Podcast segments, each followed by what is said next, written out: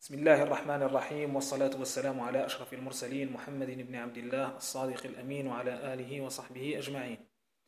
يسألني الطلبة عن الفرق بين البنك والمصرف. والحقيقة أنه لا فرق بينهما. إنما البنك هي التسمية الأجنبية التي أصلها الكلمة الإيطالية بانكو والتي تعني المصطبة وهي التي كان يجلس عليها الصراف لتحويل العملة. ثم تطور الأمر إلى أن أصبح يدل على المكان الذي يتم فيه المتاجرة بالنقود. وتم تعريب الكلمة من بنك إلى بنك أما المصرف بكسر الراء في اللغة العربية فهو من الصرف.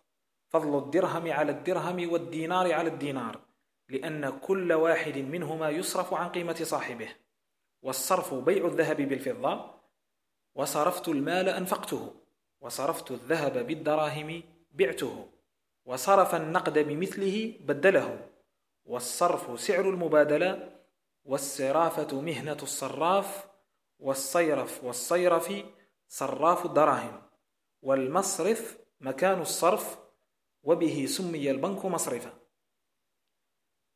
وبالتالي تلاحظون أنه آه، لا فرق بينهما من الناحية القانونية. إنما آه، كلمة بنك هي التسمية الأجنبية وكلمة المصرف هي التسمية آه، العربية آه، والواقع أننا إذا ذهبنا إلى بلدان المشرق كسوريا ولبنان ومصر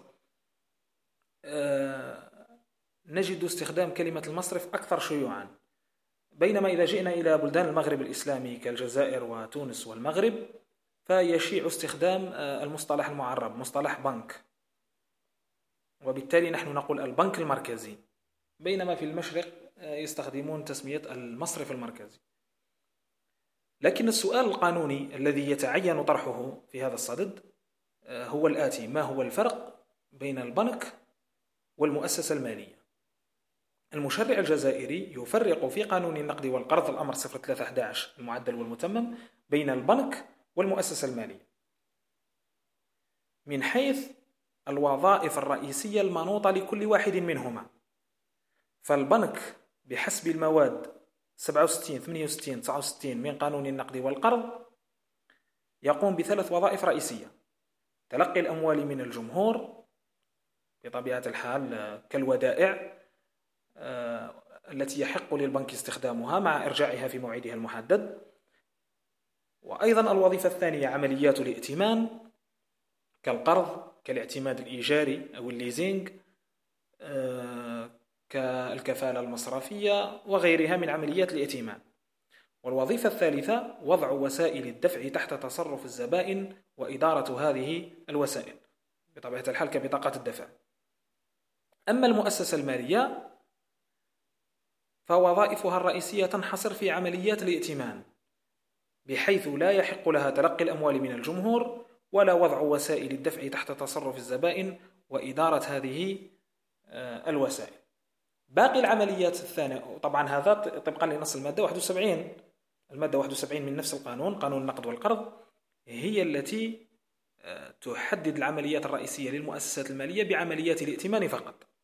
باقي العمليات الأخرى الثانوية التي نصت عليها المادة 72 من قانون النقد والقرض كعمليات الصرف والعمليات على الذهب والمعادن الثمينة وأيضا آه، العمليات على القيم المنقولة. هذه يشترك فيها البنك آه، مع المؤسسة المالية بحيث يحق آه، لكليهما القيام به القيام بهذه العمليات. ما يمكن ملاحظته هو أن مجال نشاط البنك أوسع من مجال نشاط المؤسسات المالية.